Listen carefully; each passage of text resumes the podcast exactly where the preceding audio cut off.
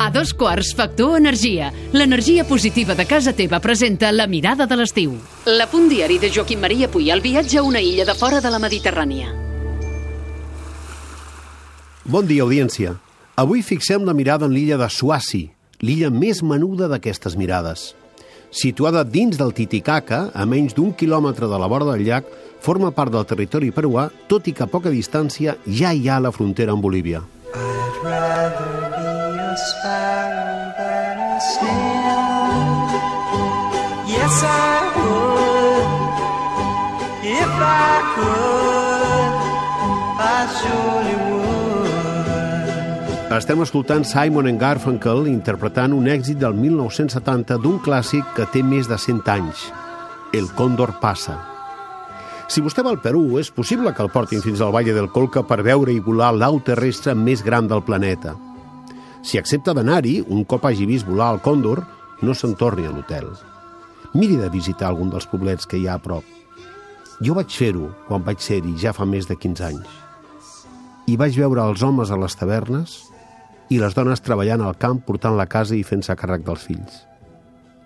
Aquesta realitat, comuna a molts països del con sud, és una de les imatges que més m'han disgustat del Perú. També ho és l'explotació infantil al Machu Picchu, on criatures mal disfressades corren davant i darrere dels autobusos plens de turistes per donar un toc de tipisme a la ruta a canvi d'unes monedes. O a qualsevol monument o lloc turístic on se t'acosta un petit descalç i et pregunta d'on ets. Quan li contestes et respon amb un breu discurset sobre el país que li has dit. Després, amb la cara plena de mocs, somriu i para la mà. Baixar fins a Iquitos no és més encoratjador, eh? Al costat dels grans negocis de la fusta que desforesten l'Amazònia, hi ha barris on regna la pobresa. I navegar per l'Amazones en una barca de transport ordinari, com vaig ser jo des d'Iquitos fins a Santa Rosa de Llavarí, és tan suggeridor que l'eloqüència del que s'hi veu et fa revisar el valor de la creativitat de Vargas Llosa. Dit això, he de declarar amb tota sinceritat que el Perú és un dels països que més m'agrada visitar. Gent agradable, territori suggeridor... En un dels viatges que hi he fet vaig anar al llac Titicaca. Hi havia tren des de Cusco fins a Puno. Allà vaig llogar una embarcació i després de visitar l'increïble arxipèlag artificial de les illes Uros, fetes amb totora, una mena de joncs que es fan a les zones fangoses, vaig anar a parar a l'illa de Suassi. Una illa tan petita que té una extensió comparable a la d'un barri de Barcelona. Suassi era un lloc de compte. Molt especial. Una única casa. La regentava la senyora Marta, que t'hi acollia amb una calidesa incomparable. Una cuinera i dos homes baixets i escanyolits feien tota la feina que calia per mantenir l'encant senzill d'aquell paradís. No hi havia ningú més en tota l'illa. L'únic estrany era jo. Des d'un jardí que envoltava la casa s'accedia a l'aigua gràcies a un parell de graons. Tot era llum, i la tranquil·litat de la natura serena t'acaronava l'ànima.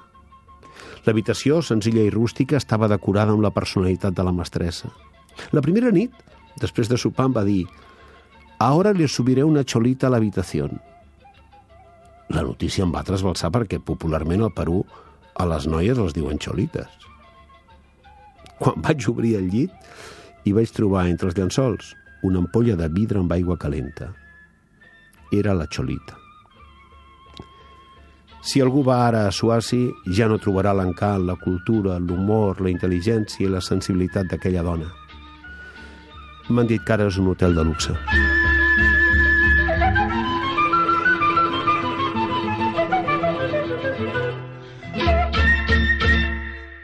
La mirada de l'estiu és una exclusiva de Factor Energia. El cap li girava. Subministren energia i ara ens ajuden a produir-la! No! Doncs sí, i es diu autoconsum. Instal·lació, finançament i autoconsum compartit. Comunitats de veïns, unifamiliars i empreses. Benvinguts a la revolució energètica. Factorenergia.cat Per fi hi ha un altre llum. Factor Energia. Empresa col·laboradora amb la Barcelona Equestrian Challenge.